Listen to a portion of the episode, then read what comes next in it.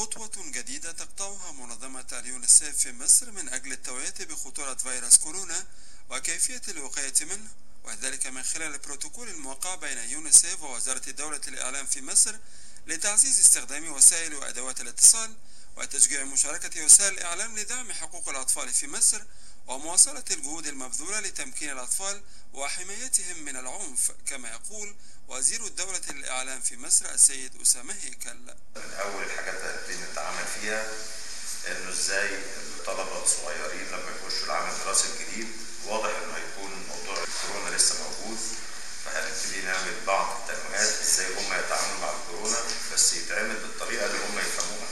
النشاط الثاني اللي نتعامل فيه هو نشاط التوعية المستمر اللي هو بيجي من وقت للتاني حسب الظروف اللي موجودة مدة البروتوكول خمس سنين بالمناسبة النشاط الثالث وده موضوع رئيسي جدا هو التوعية غير المباشرة اللي عن طريق الدراما وخلافه ويستمر تنفيذ البروتوكول الموقع بين منظمة اليونيسيف ووزارة الدولة الإعلام في مصر على مدار خمس سنوات. تكون فيه المنظمة ملتزمة بدعم الجهود التي تبذلها الحكومة المصرية من أجل تعزيز حقوق الأطفال كما يقول السيد برونو مايس ممثل منظمة اليونيسيف في مصر. هذا البروتوكول يجسد التعاون بين يونيسيف مصر ووزارة الدولة للإعلام.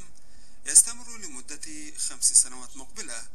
تبدو أهميته مع تزايد الإقبال على الوسائط الإعلامية خاصة أثناء جائحة فيروس كورونا المستجد التي يشهدها العالم.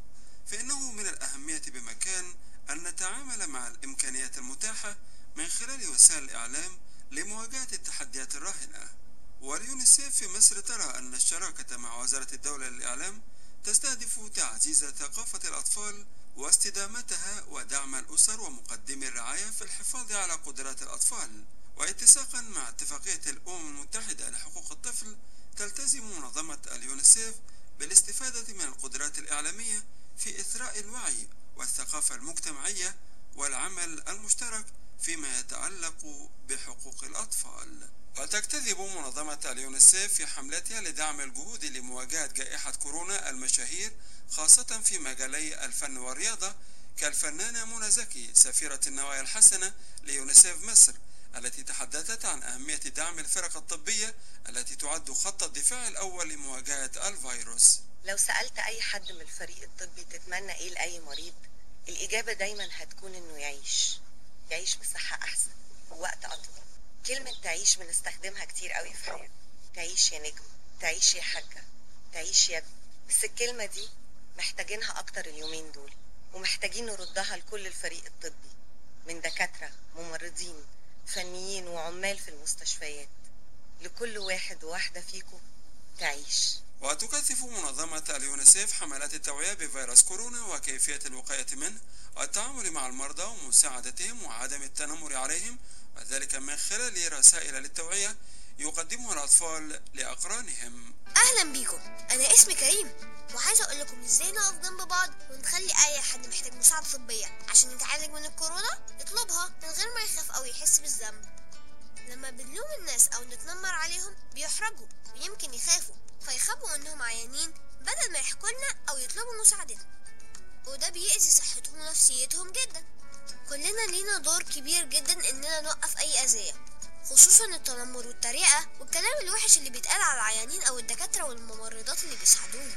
وكمان لينا دور مهم لو حد نعرفه جاتله كورونا زي إننا ما نضايقهمش بتعليقاتنا وأسئلتنا الكتير ونساعدهم يطلبوا المساعدة. ولو شفنا أي حد بيعمل أو بيقول حاجة ممكن تضايق حد عيان أو حد من عيلته لازم نقول لحد كبير علشان يوقفه. وافتكروا كويس إن مش كل حد بيعطس أو بيكح أو عنده حرارة يبقى لازم عنده كورونا. واصلا أغلب اللي بيجيلهم كورونا بيخفوا وبيبقوا كويسين. البروتوكول الموقع بين يونيسيف مصر ووزارة الدولة للإعلام يتضمن رسائل توعية حول كيفية تعامل الأطفال في ظل استمرار انتشار فيروس كورونا قبل بدء العام الدراسي الجديد. خالد عبد الوهاب لأخبار الأمم المتحدة.